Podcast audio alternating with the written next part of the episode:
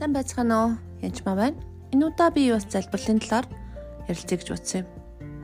Нэгэн удаа манад хүүхдийн үйлчлэл хийдэг хоёр хүүхдтэй эмэгтэй ирж туслахаар болсон юм. Тэгээд би түүнээс ингээд танаас өмнө чимээгүй цагаар их алдартай гэсэн. Надад чимээгүй цагаа яаж идэх талаар зааж өгөөч гэж би хэлсэн юм. Эмэгтэй суугаал илчил уншлаа. Тэгэл за эндээс бурхан танд юу хийж хэлэх гэж оролдов? Юу таалав гэл нэлээд олон асуултууд тавьсан дээр тэргээр ингэж хариулдаг гэж зааж өглөө.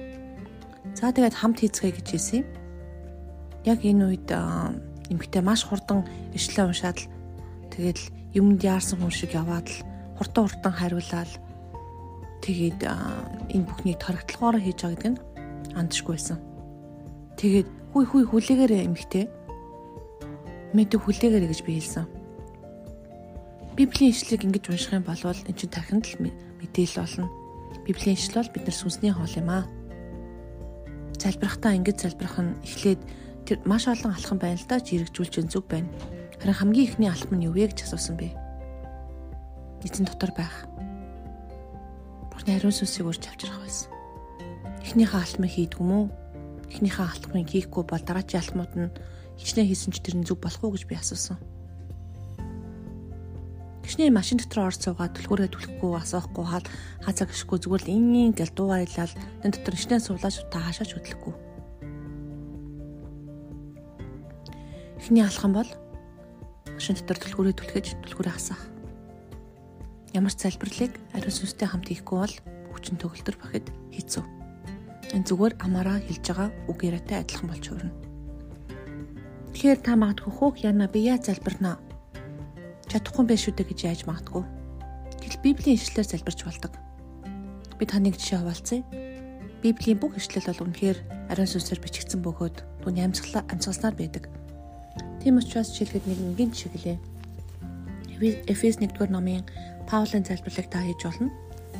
Мөн түнчлэн жишээлбэл 1:17 дээр бидний эзэн Есүс Христийн бурхан алдрын эцэг та нарт мэрхэн ухаан хийгээд ичлэлийн сүнсийг өгч өөрийгөө бүрэн мэдүүлж Зүрхний минь мэлмиг гийгүүлээсэ.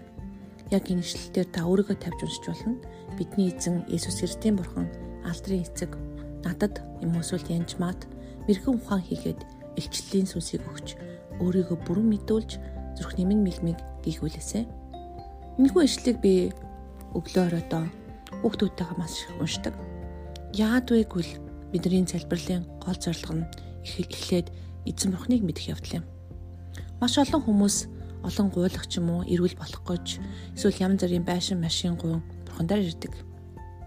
Гэхдээ үнэхээр бурхны чин хүсэл бол та нэг чин сэтгэлээсээ түүний чин сэтгэлээсээ хайрлах явдал. Өөрийгөө бүрэн мэдүүлэх гэж бурхан үнэхээр хүсдэг. Тэр эзнийг бүрэн мэдхийн төлөө түүний түүнээс мэрэгэн ухаан хийгээд илчлэлийн сүнсийг гуйх нь хамгийн зөв зүйл. Мэрэгэн ухаан хийгээд илчлэлийн сүнсийг авах үед та үнэхээр библийн ишлэгийг үнэн зөвөр ойлгохоос гадна зөвхөн та яаж ойлгох вэ? Бурхан юу гэж хэлхийг хүссэн бэ гэдгийг мэдэх болно. Тэгэхээр сая хэлсэн залбирлыг та бүхэн маань дараачийн 10 өдрийн турш өглөө оройдоо залбираад үзээрэй. Тэгээд өөрчлөлт гарна гэдэгт би бат итгэлтэй байна. Яагаад гэвэл энэ залбирлууд миний амьдралд гэсэн өөрчлөлтийг авчирсан илчлэлтийн болон эргэн ухааны сүнсийг ирснээр та үнэхээр эзнийг бүрэн таньж мэдэхэд нэг алхам ортдог. Тэгээ түнчлэн эзэн бурхан ямар бол ингэх болов тэгэх болов гэж айж мэхээсээ илүү түүнийг өөрөө өөрөө төсөөлөхөөсөө илүү ямар ч төсөөлөл байхгүйгээр ойртох хэрэгтэй. Дараа зүрх сэтгэлээр түн рүү ойртох үед бурхан үнэхээр таныг үлгээтэн авдаг. Ялангуяа өвчтөө хүмүүс байна ч гэсэн Үнэхээр идэх гэж хүсэж байгааг эзэн бурхан өөрөө мэдгүй мэднэ. Ямар ч залбирал залбирахаас өмнө бидний юу хүсэж байгаа тэрээр мэддэг билээ. Тийм учраас юм гуйхаасаа илүү эхлээд бурхан дээр үнэхээр тэнгэрлэг эцгээ ааваа гэд очих үед энэ бүх зүйл болдог. Тэгээ танд амжилт хүсье.